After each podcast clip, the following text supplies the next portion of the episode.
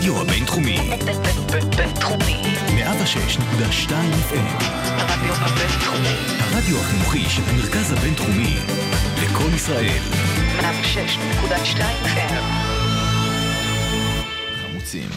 המערכת הפוליטית על ספת הפסיכולוג. עם הפרופסור בועז בן דוד והפרופסור גלעד הירשברגר. היום בחמוצים, כמו סטודנט שגילה שהעולם מתקדם למרות שהוא היה עסוק כרגע בלשבת ולהתכונן לבחינות. נגמרו הבחינות, הוא מוציא את הראש ואומר, אה, העולם המשיך לזוז. כך ממשלת השינוי, חיפוי, איחוי, מתעוררת הבוקר אחרי התקציב ומגלה שדברים התקרו בעולם. מהשטחים, דרך האלימות, דרך מתווה הכותל, המשך בטורקיה, רוסיה, החיסונים, הקורונה משתוללת באירופה ואולי מגיעה לפה חיסוני הילדים. העולם מתקדם ועכשיו צריך להתמודד עם הכל. החמוצים מתחילים עכשיו.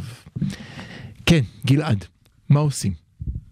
טוב, איך נתמודד עם הכל? מה, איך, איך נתמודד עם כל מה אמרנו שנפל עלינו? שנתחיל מהלוקאלי, נכון? אנחנו מתחילים ממה שקורה כאן. כן. אה, ולמרות שכבר ב- בשני השידורים הקודמים שלנו אמרנו שמיצינו את עניין השטחים והמתנחלים ועוברים הלאה, הנושא הזה לא רוצה לעזוב אותנו ואנחנו אה, צריכים להתמודד איתו והוא רק הולך ונהיה חמור וחריף יותר. גילוי נאות, אה, אתה כל פעם מתעקש להעלות את הנושא הזה, וזה מעניין המטמורפוזה שעברה עליך. לא עברה שום, אה, שום מטמורפוזה. אה, אתה פשוט לא מבין אותי, זאת הבעיה, אתה מבין? אתה אוקיי. לא מבין אותי. אבל לא משנה, המטרה שלנו כאן היא לא שאתה תבין אותי, אלא לא. אה, לשים את הדברים על השולחן ולהבין אותם. כן, אז אז, בואו אה, נתחיל מההתחלה. אז בוא נתחיל מההתחלה, אני הייתי רוצה לא להתחיל מההתחלה, הייתי רוצה להתחיל דווקא ממשהו שהתפרסם היום. כן, אני מתכוון להתחיל מהעובדות, לפני פרשנותם. כן. בואו נתחיל מהעובדות. אז בהתחלה הטור של אמירה הס, רצית לדבר נכון, עליו? הטור של אמירה הס הוא נקודת הפתיחה, אני חושב, המעניינת אה, להיום, שהיא אה, רק באה... נו- רק נאמר מי מדובר, למי שלא יודע, אמירה הס היא כתבת בהארץ. הם היא- יודעים, תן, תן קרדיט לאינטליגנציה של המאזינים שלנו. אני נותן לכולם קרדיט ובכל זאת מסביר. אוקיי. אה, אה, כתבת לנושא אה, שטחים, היא התגוררה תקופת זמן אה, גם ברמאללה וגם בעזה בשביל לסקר את הדברים מקרוב, ועד היום היא נחשבת אולי הכתבת הידענית ביותר על מה שקורה בשטחים. כן. אוקיי? אז uh, היא פרסמה היום uh, ידיעה מאוד מעניינת שבו היא טוענת שארבע מאחזים בלתי חוקיים בלבד uh, עלה בידם להשתלט על uh, שטח ששווה בגודלו לשטח של uh, חולון. Uh, ו- וזאת ידיעה שהיא מאוד uh, חשובה, זה- זאת איך ידיעה הם שהיא מאוד עושים חשובה. את זה? מה, הם הם מגדרים את השטח? מה עושים? שמים כביש? לא, אני חושב שכשאנחנו מסתכלים על מה שקורה בשטחים בזמן האחרון, כן, של עוד ועוד ועוד התקפות של אה, נערי גבעות, של אה, אה, מתנחלים אה, קיצוניים על יישובים ערבים. כן, בוא, בוא, עצור רגע, בוא נחליט על עצמנו- ה-PC, בוא נחליט על PC. נמאס לי מנערי גבעות, זה מעצבן אותי נורא. אולי נקרא להם ילדי חמד, זה לא המילה. ואסור גם להגיד מתנחלים, כי זה לא PC, כי אז אנחנו שמים את כולם באותה נכון, קבוצה. וזה גם לא נכון, הם לא זה כולם לא באותה נכון. קבוצה. כן. אז בואו נחליט על, אנחנו בכל זאת פסיכולוגים, אנחנו מבינים שטרמינולוגיה יש מחיר, נקרא להם מתנחלים קיצוניים. אנחנו זורמים עם זה. כן, תראה, במחקרים שאני ופרופסור סיון הירשפלר עשינו בנושא הזה, הגדרנו אותם כמתנחלים אידיאולוגיים לא ממלכתיים. זה ארוך מדי. מתנחלים אידיאולוגיים לא ממלכתיים, אוקיי. נכון. למה, למה קראנו להם לא ממלכתיים? כי המיינסטרים של המתנחלים האידיאולוגיים הם ממלכתיים, זה אומר שהם נאמנים למדינת ישראל ולחוקיה. אוקיי. והם כן אזרחים שומרי חוק, וזה חשוב לציין. אוקיי. אבל יש אה, פלג מסוים בקרב המתנחלים האידיאולוגיים שהם בעצם פורצים את הגדר, הם אה, לא שומרי חוק, הם אה, לוקחים את החוק בידיים ועושים את הדברים שאנחנו רואים עכשיו. זה כמובן מיעוט קיצוני, אבל כאן יש לומר כן. שזה מיעוט קיצוני שאם הוא לא מקבל באופן ישיר את ברכת הרוב, הוא גם לא מקבל את הגינוי מאותו רוב. זאת אומרת, אה, הוא לא זוכה לגינוי מאותו רוב, זה אומר שבין אם באופן מפורש ובין אם באופן משתמע, נותנים להם לעשות את מה שהם עושים. ואז נשאלת השאלה, רגע, למה- אני, אני ממשיך איתך, סליחה, לפני שנלך לפול... לא נותן לי לדבר היום, אני כן. יודע, לפני שנלך לפסיכולוגיה, כמה אני רוצה ממך בכל זאת דעת מומחה. מה זה אומר מיעוט? 500 איש? 5,000 איש? לא, לא, זה מיעוט אה, יותר גדול מזה. אוקיי. אה, אני לא רוצה לנקוב במספרים לא, כדי ברור, לא... לא, אבל אה, בערך. זה, זה אחוז קטן, זאת אומרת, אם, אם אנחנו אומרים שהממלכתים כולם, אה, לא הממלכתים, האידיאולוגים כולם, הם משהו כמו 30 אחוז מאוכלוסיית המתנחלים, אוקיי. שרק כדי לסבר את האוזן, שאנשים יבינו על מה מדובר, אנחנו מדברים על, על זה שהממלכתים הם בערך 30 אחוז, מתנחלי איכות חיים הם בערך עוד 30 אחוז, פלוס מינוס, והחרדים הם עוד 30 אחוז, כן? אז זה יוצא, לא יוצא 100 אחוז, זה יוצא 90 אחוז, נכון. תוסיפו כמה אחוזים פה ושם, זה מסתדר. ברור. כן, זאת אומרת, זה, אוקיי. זה פחות או יותר. שליש. שליש, שליש, אתה זה אומר, שליש, שליש, שליש. אידיאליסטים, שליש פשוט רצו לגור חמש דקות מכפר סבא, כן. ושליש של החרדים שנמשכו לשם בגלל האפשרות גם, לצאת גם מהגדר. המתנחלים החרדים הם סוג של מתנחלי איכות חיים. כן. הם לא אידיאולוגים, הם שם בגלל שיש צפיפות בבני ברק ובירושלים, והם צריכים מקום אה, לגור בו. ברור. אז מתוך השליש הזה של האידיאולוגים יש אחוז מסוים, שהוא, אה, אתה יודע, משהו כמו עשרה אחוז, חמישה עשר אחוז, שהם ה- אה, הקיצוניים יותר, ה- הלא ממלכתיים. מאוד קשה גם לשים קו מאוד ברור בין הממלכתיים ללא ממלכתיים, כן? כי כן. זה- כי זה בסופו של דבר רצף, זה לא... אה, אוקיי. כן, זה לא קטגוריאלי. אוקיי. אז עכשיו אני, אני, אני לפני שאנחנו, אני חייב רגע. אמרת, זרקת כאן עוד נקודה שאני לא רוצה שנעבור עליה נורא מהר. אמרת, נכון, זה הקיצוניים, אבל זה לא היה קורה אילו. וצריך לדבר על זה לא היה קורה אילו. אני רוצה שנשים את זה על השולחן. שני דברים שאני רוצה לומר, שמרתיחים אותי. אחד, כל המאחזים הבלתי חוקיים האלה מקבלים את החשמל והמים שלהם מהמאחז הכן חוקי, או התנחלות הכן נכון. חוקית, שמשם נמתח הקו. יכלו אותם אנשי היישוב להגיד עד כאן, את זה אני לא מוכן שאתם תעשו. אחרי אחת התקיפות שהייתה לא, לאחרונה, חי- לחשמל. מו- חי- מוכרחים להבין שיש אה, בכל זאת איזשהו מחנה משותף אידיאולוגי מאוד ברור שמאחד בין הממלכתים ללא ממלכתים, כן? בסופו של דבר כולם רוצים ליישב את השטחים.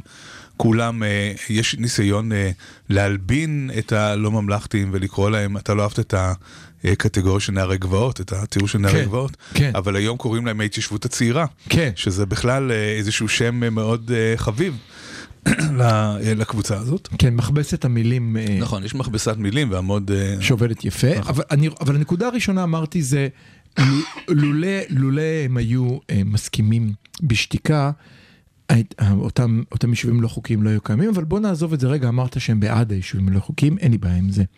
אני אתן לך זה, דוגמה, הם, הם כן מסתייגים, ואנחנו לא תמיד שומעים את זה, מדי פעם שומעים הסתייגות רפה מההתנהגות זאת, שלהם. זאת הנקודה. תראה, אפשר לקחת, עזוב, אני לא מדבר על המקרים הקטנים, בוא ניקח כמה מקרי קיצון, והיו הרבה כאלה, מקרים שבהם אתה אומר, האדם הסביר, המתנחל הסביר, אמור להגיד עד כאן. לא על השתלטות על שטחים, שזה אפשר להתווכח, כן, לא. למשל על להיכנס לגן ילדים, להעיף משם את הילדים בסוסייה, ולשבת שם שהמשטרה מרבה עליך. אז אני דווקא רוצה, בוא ננסה נגד- להיכנס. רגע, שנייה, אני רוצה להסביר. למה אין גוף מרכזי שאומר עד כאן, זה לא? אני אגיד לך למה, כי הם לא שמאלנים כמוך. אוקיי, תסביר. והשאלה שאתה שואל היא שאלה שנובעת מתוך אה, תפיסת העולם שלך ולא מתוך תפיסת העולם שלהם. אוקיי. אז בואו ננסה שנייה אחת לצלול לתוך הראש שלהם ולהבין איך הם חושבים ולא איך אנחנו חושבים על מה שהם חושבים. מצוין. אוקיי? אז ה- כשחוש- כשמנסים להבין את הראש המתנחלי, צריך לשאול את השאלה של האם המעשים האלה משרתים בסופו של דבר איזושהי מטרה גדולה יותר, אוקיי. או לא משרתים מטרה גדולה יותר. אוקיי. מה שאמירה האס היום, והסיבה שהתחלתי ממנה, היא אומרת, כן, המעשים האלה משרתים את המטרה הגדולה שלהם. זאת אומרת, אוקיי. זה לא סתם איזה שהם אה, אה, מעשי בריונות. אה, שאין להם שום תוחלת, שהם סתם אה, פריקה של עצבים, אוקיי. שהם סתם אה, איזשהו משהו לא נורמלי שהם עושים, אלא יש כאן איזושהי תורה סדורה, יש כאן אה, איזושהי אסטרטגיה שמובילה לתוצאות מאוד מאוד טובות מבחינתם. אז אתה מסתכל על זה בתור כמה מסכנים הילדים שלקחו להם את הגן שעשועים, אבל הם לא מסתכלים על זה ככה, הם מסתכלים על זה בתור זה, שהנה עוד מטר ועוד חצי סנטימטר ועוד דונם ועוד שדה ועוד גן שעשועים שבסופו של דבר אה, נופלות לידיים שלנו. לא, אני מסתכל על זה בצורה אחרת ואני רוצה להסביר. אני מסתכל על זה כך, אני אומר לעצמי, אם התנועה המתנחלית רוצה, אה, רוצה לבוא ולהגיד לי, אה, לא לי, אוקיי, אני אבוד. רוצה להגיד למרכז המפה הישראלית, תקשיבו, אנחנו בסך הכל בסדר. אנחנו בסך הכל בסדר. תראו את בנט, הוא ראש ממשלה, אנחנו בסך הכל בסדר. לו זאת הייתה המטרה שלהם, כנראה שלא. היא ממש לא המטרה שלהם. אם זאת הייתה המטרה שלהם לכבוש כמו שדיברו פעם, פעם הרי אמרו אנחנו רוצים לכבוש את הלבבות. אנחנו רוצים להתנחל בלב הקונצנזוס הישראלי. אלה המונחים שהוא פעם לתנועת יש"ע, וכשבנט היה בראש תנועת יש"ע, לדעתי, להבנתי, את המהלכים שלו אז, זו הייתה גם המטרה שלו. אם אתה זוכר, הוא ניסה אז להתחבר למהפכת הקוטג', היו בדיוק מהלכים כאלה. אם זאת המטרה, אז גינוי רפה פה ושם היה גומר להגיש, אוקיי, הם לא כולם כאלה רעים. אבל זאת לא המטרה שלהם כנראה. לא, אני חושב שזאת הייתה המטרה, אולי זאת כן מטרה ארוכת טווח, אבל אני חושב שהמטרה המיידית היא כן, במיוחד של המתנחלים הקיצוניים, היא כן אה, דונם אחר דונם, מטר אחרי מטר, להשתלט על אה, אדמות, okay. אוקיי. לדחוק את רגלי הפלסטינים כמה שיותר. הם יודעים שזה לא מצטלם טוב, הם יודעים שזה לא נראה טוב. הם יודעים שחלק גדול מהציבור הישראלי מסתייג, mm-hmm. גם, אם הוא, גם אם הוא לא עושה שום דבר, הוא לא אוהב לראות את המראות האלה, אבל הם אומרים, לפעמים צריך לעשות דברים לא נעימים בשביל המטרה הגדולה ש... של, של אה, גאולת ארץ ישראל, וזה בעצם okay. מה, אוקיי. ש, מה שמניע אותם. אה, ולכן הם פועלים כמו שהם פועלים, זאת אומרת, יש כאן משהו שהוא כן רציונלי, אולי אכזרי מאוד, mm-hmm. אבל יש בו רציונל, יש בו איזושהי מטרה. כאן, אבל אני רוצה כן להציג איזשהו צד שני. קדימה. כל התפיסת עולם של תג מחיר, של המתנחלים הקיצוניים, של לפגוע בפלסטינים כדי כן. להמאיס עליהם את החיים, כדי להשתלט להם על כן. אדמות. נקרא לזה פוגרום, למה לקרוא לזה תג מחיר? בוא ניתן לזה קרא את לזה השם. איך שאתה רוצה, אוקיי. בסדר גמור. אה, להיכנס, לשרוף, הרעיון הזה, להרביץ ולצאת. הוא כן מצליח במידה מסוימת, אוקיי. אבל מה שהם לא מבינים זה שאם הם ממשיכים בדרך הזאת, גן השעשועים של סוסיא, יהפוך להיות uh, מקום קדוש יותר מחרם א-שריף ב- ברבות היום.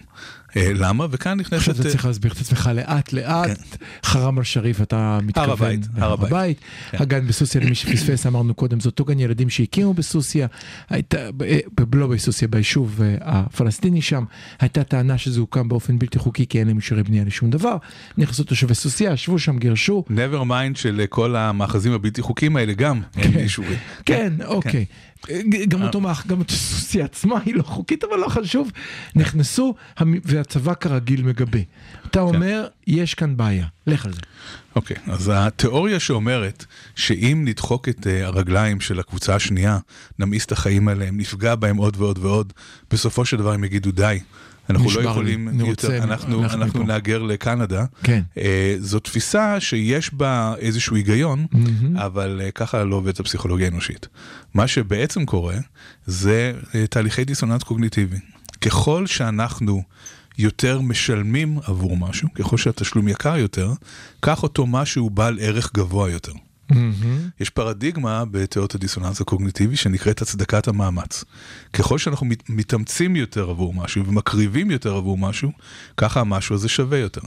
אז אם עשיתם למשל אה, טירונות רובעי 2, ובעיקר הלכתם ברגל וזרקתם אבנים במקום אה, רימונים, כנראה שלא תסתכלו אחורה על הטירונות שלכם בתור איזה משהו שממלא את לבכם בגאווה מאוד גדולה. לעומת זאת, אם עשיתם אה, מסלול של אה, איזה סיירת מובחרת ואכלתם חצץ והיה לכם נורא נורא נורא קשה ובקושי שרדתם, אתם, אה, הלב של החזה שלכם לפוח מגאווה על העניין הזה, כי המאמץ עצמו גורם לאותו הדבר להיות בעל ערך מאוד גבוה. אז אם אה, נשליך מכאן, כן. אני אני רק ברשותך בוא נמשיך רק בשביל לפרש את, ה, את זה למי, למי שנמנם בשיעורי מבוא לפסיכולוגיה. אה, למעשה יש גם את הטענה שאתה מסתכל אחורה ואומר, תקן אותי אם אני טועה, אתה מסתכל אחורה ואתה אומר, למה השקעתי כל כך הרבה מאמץ? אני הרי אדם אינטליגנטי, אני, אני בסדר עם עצמי.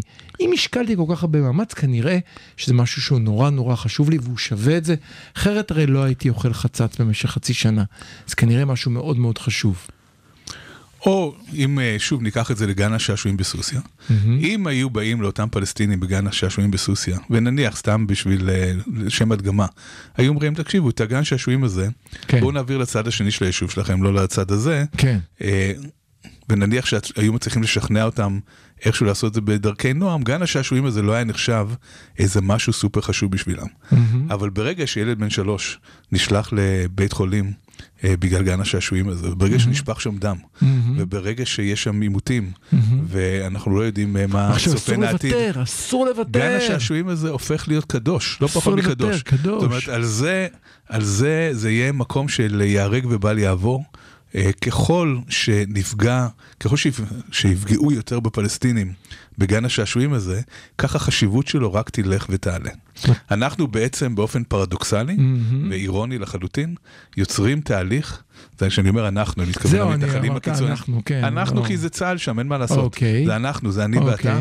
אוקיי. אה, זה גם דבר שחשוב אה, לומר, אנחנו מאוד רוצים לחשוב שזה האנשים האחרים שאחראים לזה, אבל כולנו כישראלים אחראים למה שקורה שם, אוקיי. כי זאת הממשלה שלנו והצבא שלנו שנמצאים שם ונותנים לזה גיבוי. תכף נדבר על הצבא, אבל בוא ניתן לך לסיים את מה שהתחלת. ו- ובסופו של דבר, באופן אירוני, מה שקורה, שאנחנו הופכים את המקום הזה, ל, כמו שאנחנו אומרים, סלע קיומנו, כן. לסלע הקיום שלהם.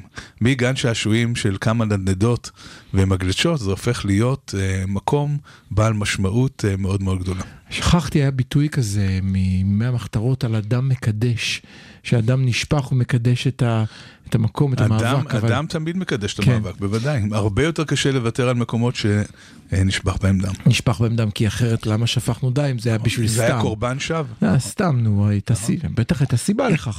אז אנחנו כמובן לא נוכל ללכת אחורנית.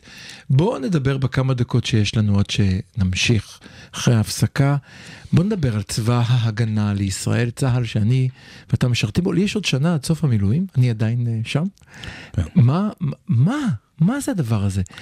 תראה, אה, בני גנץ, כשהוא כן. נכנס לפוליטיקה לפני כמה שנים, מהמם. ב-2019, הוא אה, אמר, אה, הסיסמה שלו הייתה, אתה זוכר מה? לא. ישראל לפני הכל. ישראל לפני הכל. אה, אני רואה לאן אתה הולך משם. כן. מה שמסתבר בזמן האחרון, כן. שזה אולי קצת יותר גנץ לפני הכל, מאשר ישראל לפני הכל, כי אם אני צריך להבין את ההתנהגות של גנץ, שבעצם נותן, הכל. שבעצם נותן אור ירוק, אני לא חושב ש... תראה, גנץ במהותו הוא מישהו שמבין שצריך להיפרד מהפלסטינים. הוא יודע את זה. כן. הוא יודע שצריך להיפרד מהפלסטינים, הוא דיבר על זה, הקמפיין שלו ב-2019 הזכיר את זה. אבל- הוא לא מישהו, הוא אבל- לא מישהו שחושב... תסתכל על התנהלות צה"ל לאחרונה. כן, היא- אז בואו בואו ננסה להבין את זה. היא מכילה, באופ... מה זה נכון. מכילה את האלימות? היא אז כאן- מאפשרת לה להתנהל. אז כאן צריך להבין איך זה יכול להיות שבן אדם שהוא מאוד רחוק אידיאולוגית כן. מה, מהמתנחלים הקיצוניים האלה, מה... שוב, לא מדובר בכולם, כמו שאמרנו, זה הקצה. אבל איך הצבא שלו, ב- נכון. בהנחייתו, נכון. בעצם מלווה אותם למעשה הפוגרום שקראת כן. להם, ולא נוקף אצבע כדי, אם, אם הצבא שם משהו בשבת האחרונה, צו רידוד, בוא זה, נדבר על זה זה. הוא מנע מעיתונאים להגיע לדווח על זה, אבל הוא לא מנע מהאירועים צו להתרחש. רידוד, כשמגיע עיתונאי הוא יורד מהאוטו, כשמגיע מתנחל אומרים לו סע, אתה צריך לרדת מהאוטו וללכת, מתוך תקווה שהם לא בכושר גופני להגיע עם נכון, אז מצלמות. מה בעצם גנץ רוצה? כן. מה שגנץ רוצה זה לקרוץ כל הזמן לצד הימני של המפה הפוליטית, Mm-hmm. ולהגיד, תראו, אני עם המתנחלים, אני לא שמאלני, אני אה, אה, לא פועל לאיזה נגד ימין הוא המתנחלים. פונה? לימין מרכז, לא לימין ברור, ימין, זה ימין בדיוק ימין מה שלא. ברור אצלו. לביביסטים הוא לא פונה, למי הוא פונה? צריך כאן שוב לומר בצורה מאוד ברורה. מבחינת האידיאולוגיה, לפחות כפי שהוא הצהיר עליה בעבר, כן. הבן אדם הזה מתנגד למאחזים אה, בלתי לא חוקיים. חוקיים, הוא בן אדם שמבין שצריך יהיה לפנות התנחלויות מבודדות, הוא בן אדם שמבין שצריך להיפרד מהפלסטינים, אבל יחד עם זאת, אוקיי. הוא נותן רוח גבית מאוד חזקה נכון. לחבורה הזאת. נכון. אה, יש לומר שגם אה, חברתו למפלגה לשעבר, עומר ינקלביץ', שנקטה ב...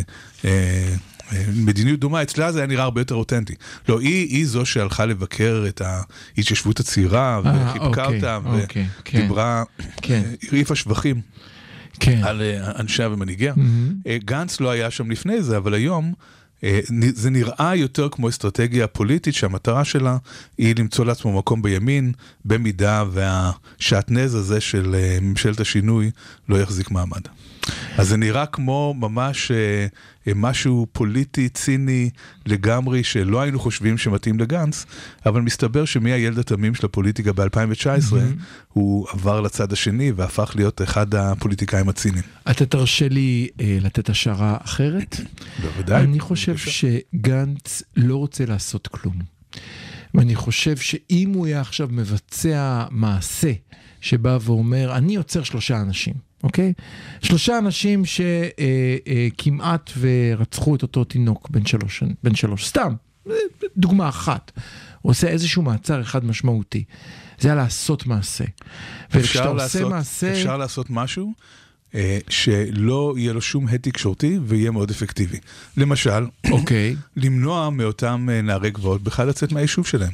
לצ... ל... מיליון תקשורתי על זה. אני, אני לא מסכים איתך. יש, יש הרבה דברים שאפשר לעשות בשקט. אני חושב שהוא תראה, מפחד. אה, הוא מפחד לעשות מעשה, אני לא חושב, אני חושב שזה לא מתוך אפשר אומץ. גם, לא, אפשר גם לא ללוות את הפורעים לכפרים הפלסטינים. אבל זה הנוהל, זה הסטטוס קוו, אני חושב, אני, שוב, יכול להיות שאני טועה, אני חושב שהוא לא ממולח כמו צ'ונסי גרדנר, אני חושב שהוא פשוט לא עושה כלום, נותן לדברים להמשיך להתנהל כמו שהם התנהלו כל הזמן, לא מאתר שחל שינוי משמעותי. אני לא מסכים מכמה. סיבות. אני אוקיי? חושב, אה, קודם כל, שאי אפשר להתעלם מזה שזה קורה בד בבד עם הכרזה של הארגוני זכויות אזרח אה, הפלסטינים כארגוני טרור. כן, זאת אומרת שיש כאן אה, צעדים שהם, מעשה, יש נכון. כאן צעדים שהם אקטיביים. צודק. אה, כאן, אה, כאן שוב, יש לומר שאם אה, אם מסתכלים על ההכרזה הזאת של הארגונים האלה כארגוני טרור, הדבר הראשון שאני הייתי מצפה לראות זה מעצרים.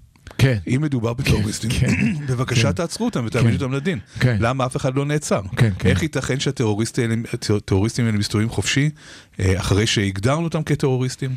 אה, אז, אז יש כאן צעדים מאוד אקטיביים. זה גם מתאים לתוכניות הבנייה של הממשלה הזאת בשטחים. אה, גם הרחובות במזרח ירושלים, כן. ב-E1. אי אה, אחד עוד לא אושר, אבל כן, אני לא חשוב. אנחנו הולכים בכיוון הזה. כן. זאת אומרת שיש כאן משהו שהוא לא פסיבי, יש כאן משהו שהוא אקטיבי, ולדעתי גם היחס למתנחלים הקיצוניים הוא חלק מהתהליך האקטיבי הזה. כאן אה, אני מוכרח גם לומר שכשיגיע הרגע שתהיה תגובה פלסטינית, והיא תגיע, אה, בואו לא נהיה מופתעים.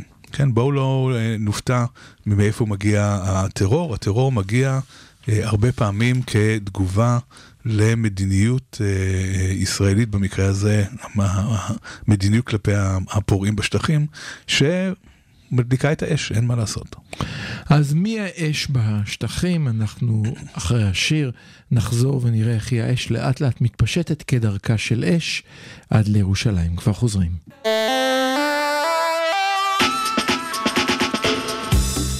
הרדיו הבינתחומי, בינתחומי. 106.2 FM, הרדיו הבינתחומי.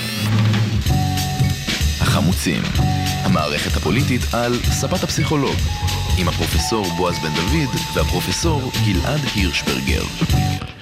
אז בהמשך לקטע האחרון שלנו, אנחנו נצטט את נורית גולרון.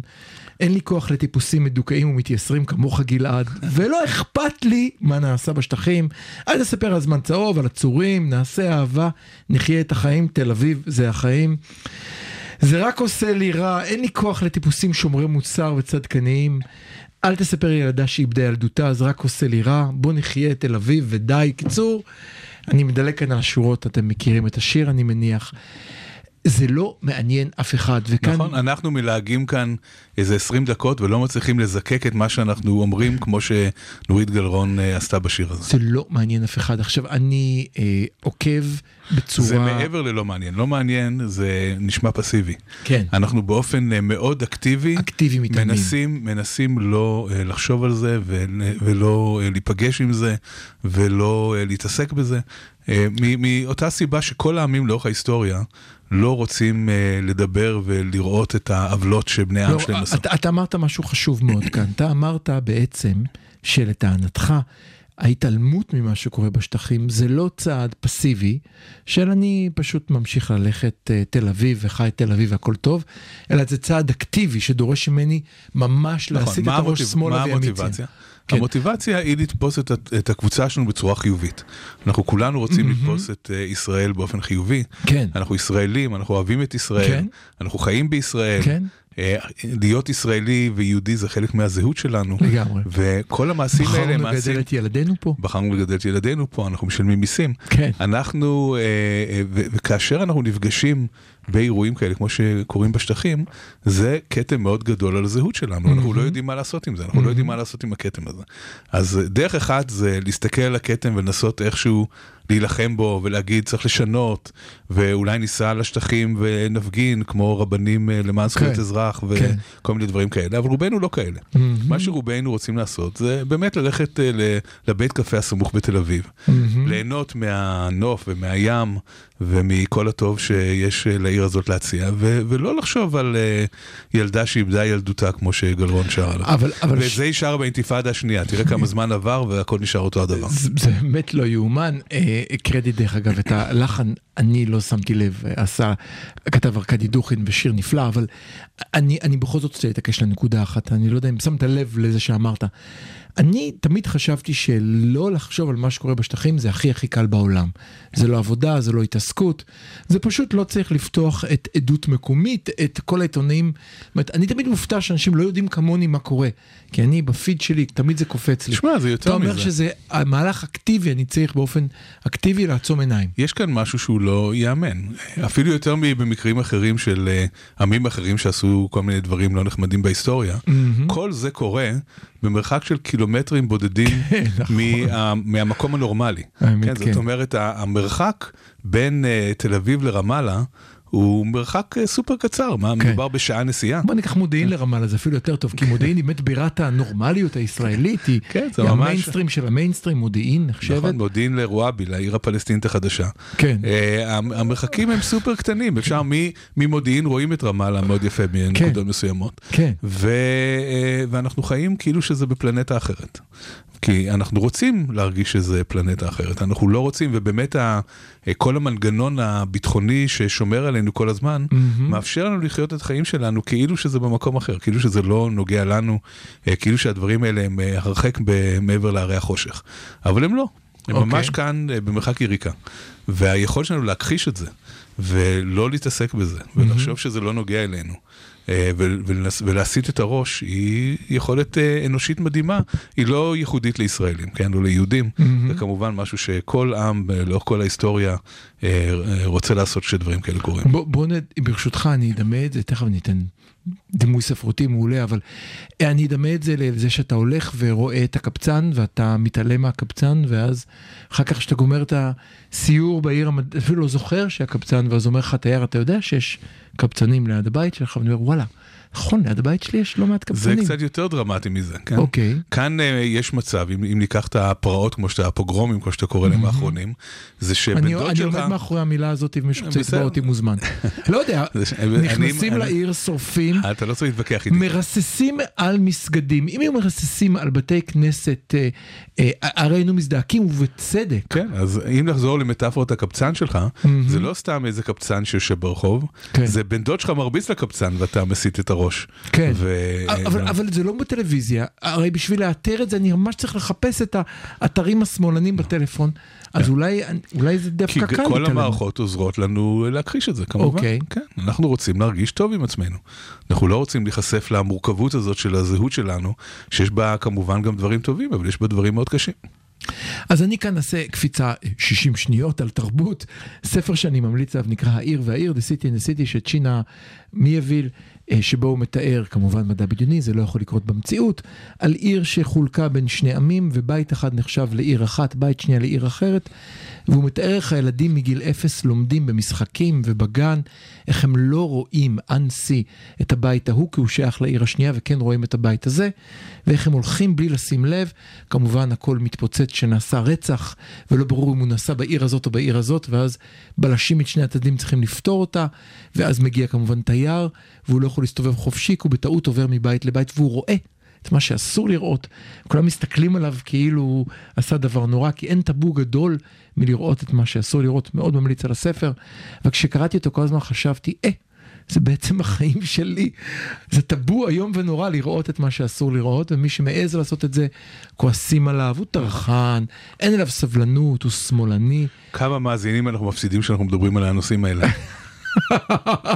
יש לי הרגשה שמי שמאזין לנו יודע לאן הוא נכנס. אה. מי שפספס אנחנו החמוצים, אם פספסתם את התוכנית, אז כן. אם לא הבנתם מה זה אומר החמוצים. אז בואי ברשותך ניקח את האש ונעבור אל ירושלים. אני רוצה לדבר על הכותל. סלע קיומנו. אני רוצה לדבר על הכותל. ואני כן. אגיד לך למה אני רוצה לדבר על הכותל, אה, ואני מדבר בעקבות הכתבה של ורטר ביום שישי. אה, יוסי ורטר בטור שלו ביום שישי בהארץ, בא וחזה שהפצצה הגדולה שהולכת להתפוצץ בקרוב היא פצצת הכותל, ולא בגלל שמדובר במאות אלפי מתפלל, מתפללים רפורמים שהולכים פתאום לעמוד על הכותל ולנהור באוטובוסים שמאמנים להם עמותות השמאל, אלא בגלל שגורמים ספציפית בש"ס ובליכוד יחממו את הקהל על הסימבוליות של נשים מתפללות בכותל, לפי מתווה הכותל שאותו אישר דרך אגב נתניהו. נתניהו, נכון. אז בואו ננסה לפרק את אני, זה, מה אני קורה רוצה שם? להתחיל מאיזושהי אירוניה, כן? Mhm. הכותל, שכמובן צמוד להר הבית, כן. אה, מגלם עכשיו איזשהו פרדוקס מאוד גדול שקיים בטיעונים של הימין. איזושהי. סתירה מאוד גדולה שקיימת בטיעונים של הימין. הימין בשנים האחרונות אומר, למה לא מאפשרים ליהודים להתפלל בהר הבית? בשם חופש הפולחן. כל אחד יכול להתפלל איפה שהוא רוצה ומתי שהוא רוצה ואיך שהוא רוצה. צריך לאפשר ליהודים להתפלל בהר הבית. עכשיו זה נשמע טיעון מאוד הגיוני, אוקיי. אני מוכרח להגיד. אה, לפי תפיסת העולם שלי, כן. באמת כל אדם צריך להיות רשאי להתפלל בכל מקום שהוא רוצה. יש איזושהי מציאות שגורמת לזה להיות מורכבת, מהמם. אבל ברמה העקרונית, אם העולם היה אה, בנוי כמו שאני רוצה, אז כל אחד היה יכול להתפלל איפה שהוא רוצה, לא היו מפריעים לאף אחד שום, להתפלל כן. בשום מקום. כן. אז בשם חופש הפולחן הזה, הם רוצים שיהודים יתפללו בהר הבית, אבל כשזה מגיע לכותל, פתאום אין חופש פולחן. פתאום נשים שרוצות להתפלל, או רפורמים, לא עלינו, שרוצים להתפלל בכותל, לא. הכותל הוא אקסקלוסיבי ליהודים אורתודוקסים. מהמם. ואני שואל, איפה כתוב, באיזה מקום כתוב, שהכותל שייך אך ורק לזרם האורתודוקסי ביהדות? אני לא, לא מכיר חוק כזה. אני לא מכיר הלכה כזאת אפילו, אני לא מכיר כן. תקנה כזאת. אין, זה אין, מין אין, אה, אין. אה, השתלטות אה, כמעט אלימה על... אה, למה על- כמעט? הולכים שם מכות, כן, מרביצים על- שם מכות אה, לנשים. אתר, אתר אה, היסטורי, מהמם. תרבותי, דתי, ששייך לכולנו. בתור, אני מוכרח להגיד שגם בתור אה, יהודי, חילוני, אתאיסט, הכוש, הכותל הוא משמעותי עבורי. כן. ואני מרגיש רגשות אה, חזקים שאני מגיע לכותל. מהמם. אבל הם כנראה מאוד שונים מהרגשות שמרגישים אה, יהודים אורתודוקסים שהם אה, מגיעים וזה בסדר. כל אחד מאיתנו יש לו איזשהו חיבור אחר למקום הזה, וזה בסדר גמור. אבל uh, האירוניה הזאת פשוט אי אפשר uh, uh, שלא להצביע עליה, שאותם אנשים שבשם חופש הדת רוצים להתפלל בהר הבית, לא מאפשרים בשם אותו חופש דת כביכול לאחרים להתפלל בכותל. תרשה לי להפוך את המטאפורה, איך הנאורים השמאלנים הגלעדים, שאומרים בואו תקשיבו, נכון מותר לכם להתפלל בהר הבית, אבל תשמעו, יש כאן עניין מורכב, בואו נעשה את זה בצורה מדודה, בצורה חכמה, תשמעו יש כאן בעיה, פתאום אומרים למה שאנשים לא יתפללו עם... אה, הנה, אני מחזיר את זה אליך. כן, uh, זה נכון, תראה שוב, העולם הוא לא אידיאלי, מהמם. אה, ומכיוון שהר הבית הוא פחות או יותר אה, החבית חומר הנפץ הגדולה ביותר במזרח התיכון, אז אני מודה שאני מוכן להתפשר על עיקרון מאוד חשוב, ולהגיד בואו נעזוב את אה, הר הבית אה, ונשאיר את זה למוסלמים כדי לא ליצור בעיות. אני בכלל, אה, אני פעם אמרתי את זה לאדם דתי שלא היה לו תשובה כל כך טובה, אז אני, הנה אני זורק את זה למאזינים, לי יש פתרון לבעיית הר הבית. אוי אוי אוי, אני כבר, אוי אוי. אלוהים ישמור. אני לא מכיר את גלעד הירשברגר, לא, אני לא, קמתי. וברחתי. אני חושב, אתה צריך להיות מרגיש שמח. זה אחת הבעיות הכי אוקיי. מורכבות במזרח התיכון, ויש לי פתרון. מלא. נו, תמשיך. יהודי דתי אמור להאמין בביאת המשיח, נכון? נכון. לא. זאת אומרת, ואמור להאמין בזה שביאת המשיח היא קרובה, זה לא אמור להיות עוד הרבה זמן. ואף על נכון. פי כי יתמהמה בוא יבוא. בוא יבוא. לכן, לכן, בואו נהיה סבלניים. עד שיגיע המשיח, הר הבית יהיה בשליטה מוסלמית. מה Mm. אכפת לנו, המשיח יגיע, כשהוא יהיה בשליט, כשהמשיח יגיע, הוא יהיה בשליטה יהודית לגמרי. כן, כן, כן. למה אנחנו צריכים לריב על פרק הזמן הקצר וחסר המשמעות הזה, אה, אם אנחנו מאמינים בביאת המשיח? וואי, אני פחדתי שאתה הולך לפתרון אחר, תודה רבה. אני כבר זאת אומרת דאגתי. שזה זה יכול להיות הפתרון. לגבי הכותל, מכיוון שהכותל הוא מקום שהוא חשוב ומרכזי ומקודש לכל עם ישראל, על כל גווניו כן. ועל כל אה, אה, הגוונים הדתיים שבו. אין שום סיבה למנוע ממישהו, אז, אז אה, יש, יש את האזור המרכזי של הכותל שהוא, שהסטטוס קוו בו נשמר, אבל פתחו כמה אזורים אחרים שמאפשרים שם תפילה של נשים ושל רפורמים וכל מיני אה, אחרים. בסדר, מה, תראה, למה לא לאפשר את זה? אני חייב להגיד כאן משהו. הכל כאן זה סימבול. אני כן. זוכר שעשיתי סיור לאחרונה יחד עם... אה, בתקופה שעוד היו מגיעים מדענים לישראל, הייתי לוקח אותם לסיור, ומדי פעם עשינו את זה, כמובן הגענו לכותל, ואז אתה רואה חלק מסוים של הכותל, אתה יודע שבצד, ואז הוא אומר לך, אתה יודע שבצד השני זה בית של פלסטיני, אוקיי? זה אותו אבן, רק פעם אחת זה קדוש, פעם שנייה זה לא. ברור שהמשמעות של האבנים היא הסמל שבו, שאנחנו ייצרנו לו ושנותן לו. הסמליות כאן מייצרת את הקונפליקט הזה שאנחנו נכנסים לתוכו ממש בעין, בעיניים פתוחות. כלומר, הממשלה של בנט, שלא חשוד בחיבת רפורמים יותר מדי, נגררת בחוכמה ובעורמה על ידי ביבי ודרעי לתוך קרב שמתאים לחלק באמת מהקואליציה החדשה ולא מעניין את השנייה. ועל מה הריב? הריב הוא על שני נושאים בעיניי. האחד הוא על כך שהכותל שייך לכולם, כמו שאמרת, שאני אוכל ללכת לכותל וארגיש שהוא שייך לי ויש לי משהו שאני מקורב אליו גם בלי שמישהו יגיד לי מה נכון או נכון. והחלק השני והמשמעותי יותר, ודיברנו עליו לא מעט בתוכנית, הוא כמובן יהודי ארצות הברית.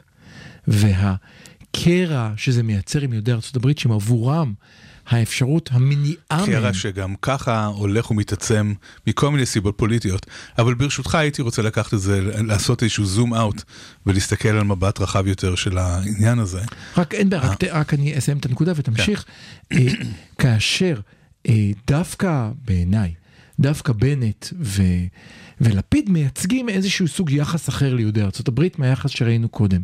סוג של הבנה שהם משמעותיים לנו מסיבות פוליטיות, מסיבות אסטרטגיות, וגם גם מסיבות של חלק מהעם היהודי, ועל כן הם כן מנסים לקרב אותם ולחבר אותם, ולא לתת להם את ההרגשה שהם מוקצים.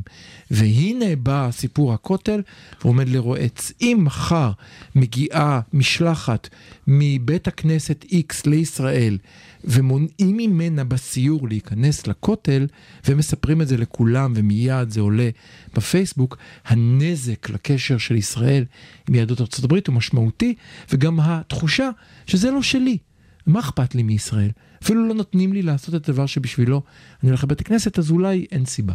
כן. כן, אז אני רוצה לעשות טיפה זום אאוט ולהגיד שכל מה שדיברנו עליו היום, החל מהמתנחלים בסוסיא ובבת עין ובמקומות כאלה אה, ועד אה, הכותל, מבטא מאבק על דמותה של מדינת ישראל. אוקיי. מאבק בין כוחות אה, ליברליים לכוחות יותר דתיים. אה, שמרניים אה, נקרא מהמם, לזה ככה, מהמם. כשגם במקרה של השטחים זה מאבק בין כאלה שמאמינים בריבונות אה, יהודית בלבד ובשליטה יהודית ובעליונות יהודית, מהמם. לעומת אה, אלה שמאמינים בזכויות אדם ואזרח, אה, ולא, ו- וקשה להם מאוד לראות את ההתנהלות הזאת. וגם בכותל אנחנו רואים אה, התנגשות בין גישה יותר פלורליסטית לגבי היהדות, לגישה שלא רק שהיא לא פלורליסטית, לא רק שהיא אה, אה, רואה רק את היהדות האורתודוקסית כאיזשהו ביטוי לגיטימי של היהדות, אוקיי. אבל זה במיוחד במיוחד אה, אה, מתחדד כשמסתכלים על המאבק נגד אה, נשים שעוטות טליתות ומסתובבות עם אה, ספרי תורה ורוצות להת- אה, כן. להתפלל בכותל. זה מביא להם טרפה, אנחנו- זה מקפיץ, לא, לא דמיינתי, כשאני רואה את התגובות לנשים בטליתות, זה, זה מעורר שעשוע לא יאומן. דווקא, וזה קורה זה מעורר דווקא, חמת זעם. זה קורה בעידן של אה, מאבק אה, מאוד, אה, מאוד חריף אה, בעד ל- לזכויות של נשים. כן. כל המאבק של מיטו וכל כן, העניין, כן, זה כן. קורה על רקע, על הרקע הזה, כן. שבכל העולם הליברלי המערבי אהה. לא יעלה על הדעת להדיר נשים. לא יעלה על הדעת לא לאפשר לנשים לעשות משהו בגלל שהן אה, נשים. המקומות היחידים שאנחנו רואים דברים כאלה זה בטליבן, באפגניסטן, במקומות כאלה שאנחנו מחשיבים אותם כחשוכים. גם במצרים, אתה לא צריך ללכת כל כך קיצון, במקומות שאנחנו מחשיבים אוקיי. כחשוכים יחסית, כן? אוקיי. כדתיים וחשוכים, וכאן אה, בישראל אנחנו רואים בדיוק את המאבק הזה. זאת אומרת, הנשים, נשות הכותל שרוצות להתפלל בכותל, זה לא רק אה, רצון דתי להתפלל בכותל, אלא איזושהי אמירה פמיניסטית, שאין שום סיבה שנשים יופלו לעומת גברים. כמו שגברים יכולים להתפלל, כך נשים יכולות ולא צריכה להיות אה, שום בעיה. לעומת תפיסת עולם שאומרת, נשים... עם טליתות, עם ספרי תורה, זה חילול קודש. אז אנחנו נצא להפסקה ואחריה אני כבר מכין אותך, היו לי שתי שאלות עליך.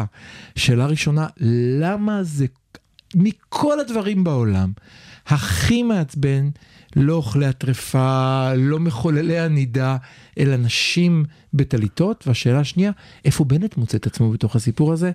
הולכים לשיר וכבר חוזרים.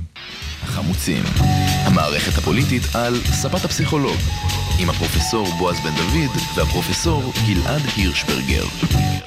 אז עזבנו את החלק הקודם בשאלה אה, למה זה כל כך מעצבן ואיפה בנט מוצא את עצמו בכל הסיפור? מה אתה רוצה להתחיל? אני, אני רוצה להוסיף שאלה לשאלה שלך, אוי, אוי. וזה למה... איזה, איזה...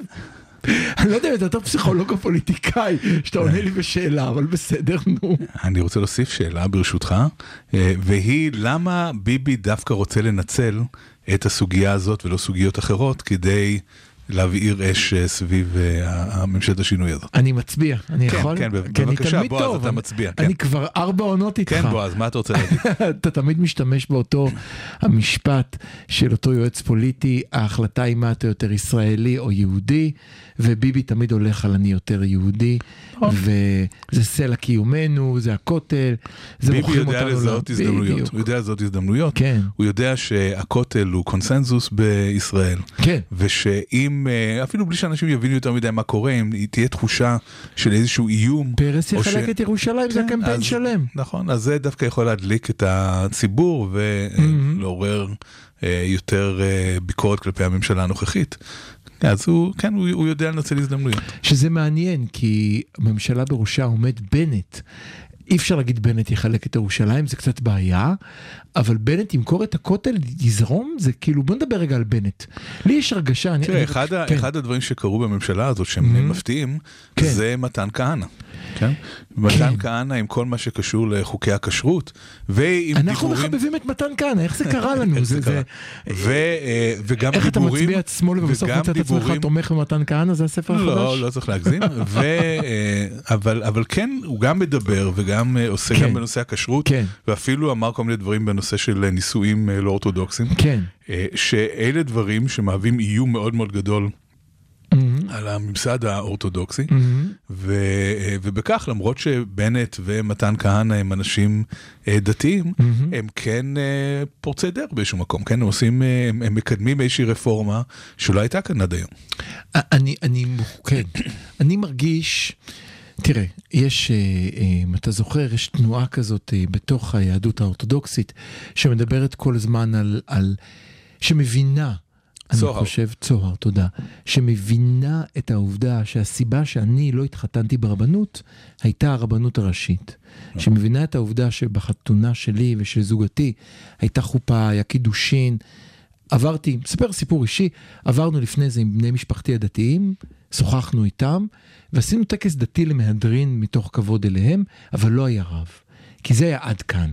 כי ה- הטינה שיש לי כלפי המוסד הרבנות גורמת לכך שאני מתרחק. אז אצלי עדיין היה טקס דתי, אבל אצל שכן שלי כבר אפילו לא היה טקס דתי, כי עד כדי כך הרתיעה הייתה, שאפילו חופה לא הייתה, ובלבד שלא יהיה דבר שדומה לאותם אלה שהם אני רוצה להתרחק. אני חושב שצוהר מבינים, ועובדים על זה כל הזמן, שאם רוצים לשמור, הם חייבים to appeal to me, הם חייבים לבוא אליי, כן, אל החילוני. ולהגיד, בוא אלינו, נחמד אצלנו, לא כזה נורא, אנחנו לא נושכים. כן. אה, הרב שחיתן אותנו היה רב של צוהר, שהיו לו שליפים כאלה, היו לו כרטיסיות, הוא כל כך לא היה בקיא בכל הברכות ובכל הדברים, זה דווקא מצא חן בעיניי, שהוא מישהו כזה טירון שלא כן. יודע שום דבר. אבל אתה יודע, אני מצד שני, צוהר בעיניי, אני, אני מודה שבצוהר אני רואה גם קצת יריב אידיאולוגי. אני אסביר לך מדוע. כי אני הייתי שמח אם היו נישואים אזרחיים מוחלטים בישראל. ואני חושב שצוהר מונעים את זה שיהיו נישואים אזרחיים בישראל. כי אם אתה מתחתן עם צוהר, אז בסדר, אז לא נורא, אז הנה, הגיע. מתן, הגיע מתן כהנא. נראה. ונראה, הוא לפחות מדבר. כן. נראה מה יקרה עם זה. אבל הוא לפחות מדבר. מה שכן ברור, ו- וזה קצת קשור לשאלות הקודמות שלך שהתחמקנו מהן, זה שאם מסתכלים על סקרי דעת הקהל בישראל, כן, רוב הציבור הישראלי מצד אחד מאוד מחובר, סליחה, לדת ולמסורת, מאוד. אבל מצד שני, רוב הציבור פתוח מאוד לאפשרות של אה, נישואין ושל אה, אה, כשרות שלא מנוהלת על ידי הממסד הרבני. בוא, בוא נדבר על זה בצורה הכי ישירה. נישואים אה, אה, אה, לא דתיים, אני חושב שיש, כל הסקרים מראים רוב מאוד גדול. נישואי להט"ב, אין רוב. אבל זה מתחיל להיראות כדברים שאנשים מוכנים לקבל, אולי לקרוא לזה נישואים, נקרא לזה ברית. בוא אפילו לא, בוא. נלך, בוא לא נלך רחוק עד נישואים אזרחיים, בוא נדבר על נישואים אה, יהודים, אבל, אבל אה, בעלי אה, גוון שהוא שונה משל הרבנות הראשית. הנושא, הזה כבר נפרץ לגמרי. כן, זאת אומרת, ברור לגמרי שברגע שזה יאופשר, חלק גדול מאוד מהיהודים הישראלים לא יתחתנו דרך הרבנות. ירצו להתחתן בנישואים יהודים, אבל לא דרך הרבנות. אני חושב שגם ברגע שתהיה אפשרות לעשות או נישואים אזרחיים או נישואים דרך צוהר, יהיו אנשים שיפג... חילונים שיבחרו בצוהר ולא בחילונים. העובדה שנישואים חילונים אינם אפשריים דוחקת אנשים כמוני ברור, ברור. להיות רשום בתעודת זהות כרווק ובלבד שלא תיגע בי ספק ספקו של הרבנות שאחר כך תובעת ממני דברים אם ארצה, לי- אם זוגתי תרצה להיפרד ממני וה, והיתר. כלומר, המשחק הזה של האיסור גורם להם להפסיד, ואני חושב שמתן כהנא מבין את זה. לגבי הכשרות, הכשרות לא כאן- נוגעת אליי ואליך. נכון. הכשרות נוגעת בדיוק כן לציבור נוגעת- המצביעים לא, שלו. היא, היא נוגעת אליך בגלל שאתה משלם על כן. נכון. אבל היא נוגעת בדיוק לציבור המצביעים שלו, שבא ואומר כל הזמן, "אה, למה זה, למה? אבל, אבל, אבל למה? אפשר לעשות את זה אחרת. והיו ניסיונות, והיה את חותם, שניסו לעבוד, ואז הרבנות נכנסה בהם, שצמחה מתוך הקהילה הדתית הסרוגה, שאמרה, אבל מה הבעיה? אנחנו רוצים לאכול כשר, אנחנו לא צריכים את כל ה... מי יש שרוצה הרבה, לאכול מאוד, כשר. יש הרבה מאוד יהודים אה, מסורתיים שאין להם שום בעיה לאכול במסעדה שמכריזה על עצמה ככשרה שהם סומכים על בעל המסעדה ששומר כשרות בלי שיש איזשהו משגיח כשרות שמסתובב ו- אה, ומשגיח את זה בדיוק כמו שאנשים הולכים לבתים של אנשים פרטיים וסומכים על זה שהאוכל שם כשר בלי שיש אה, משגיח כשרות שמסתובב במטבח. יש עכשיו מגמה שאתה בוודאי מכיר, שבהרבה מקומות כתוב בחוץ, זאת לא תעודת כשרות. כן. אתה מתחת, זאת לא תעודת כשרות, כי אסור נגיד שכשרות, אבל אני אומר לכם שכל האוכל כאן. כן. אם מותר לי, הייתי אומר לכם שהוא כשר, ואני מקפיד ושומר, ואני בעצמי שומר מסורת, כן. אבל אסור לי להגיד את זה. נכון, אז יש יותר לא ויותר מזה. וכתוב, זה נקרא תעודת אבל לא בואו כשרות. נחזור מכאן חזרה לכותל. כן. ולמה אה, אה, נשות הכותל כל כך מפריעות. לרבנים? נו, נו, יש לך פתרון? לא, בדיוק בגלל מה שאמרת עכשיו. שבעצם כל הנושא הזה שומט את השטיח מתחת לקרקע של הממסד הרבני. אה, הם יודעים שהכוח שלהם טמון בזה שלא תהיה אלטרנטיבה ושלא ייפרצו הגבולות. וברגע שיפרצו הגבולות האלה, הכוח שלהם אה, ירד, כי הם יודעים שרוב הציבור לאו דווקא איתם.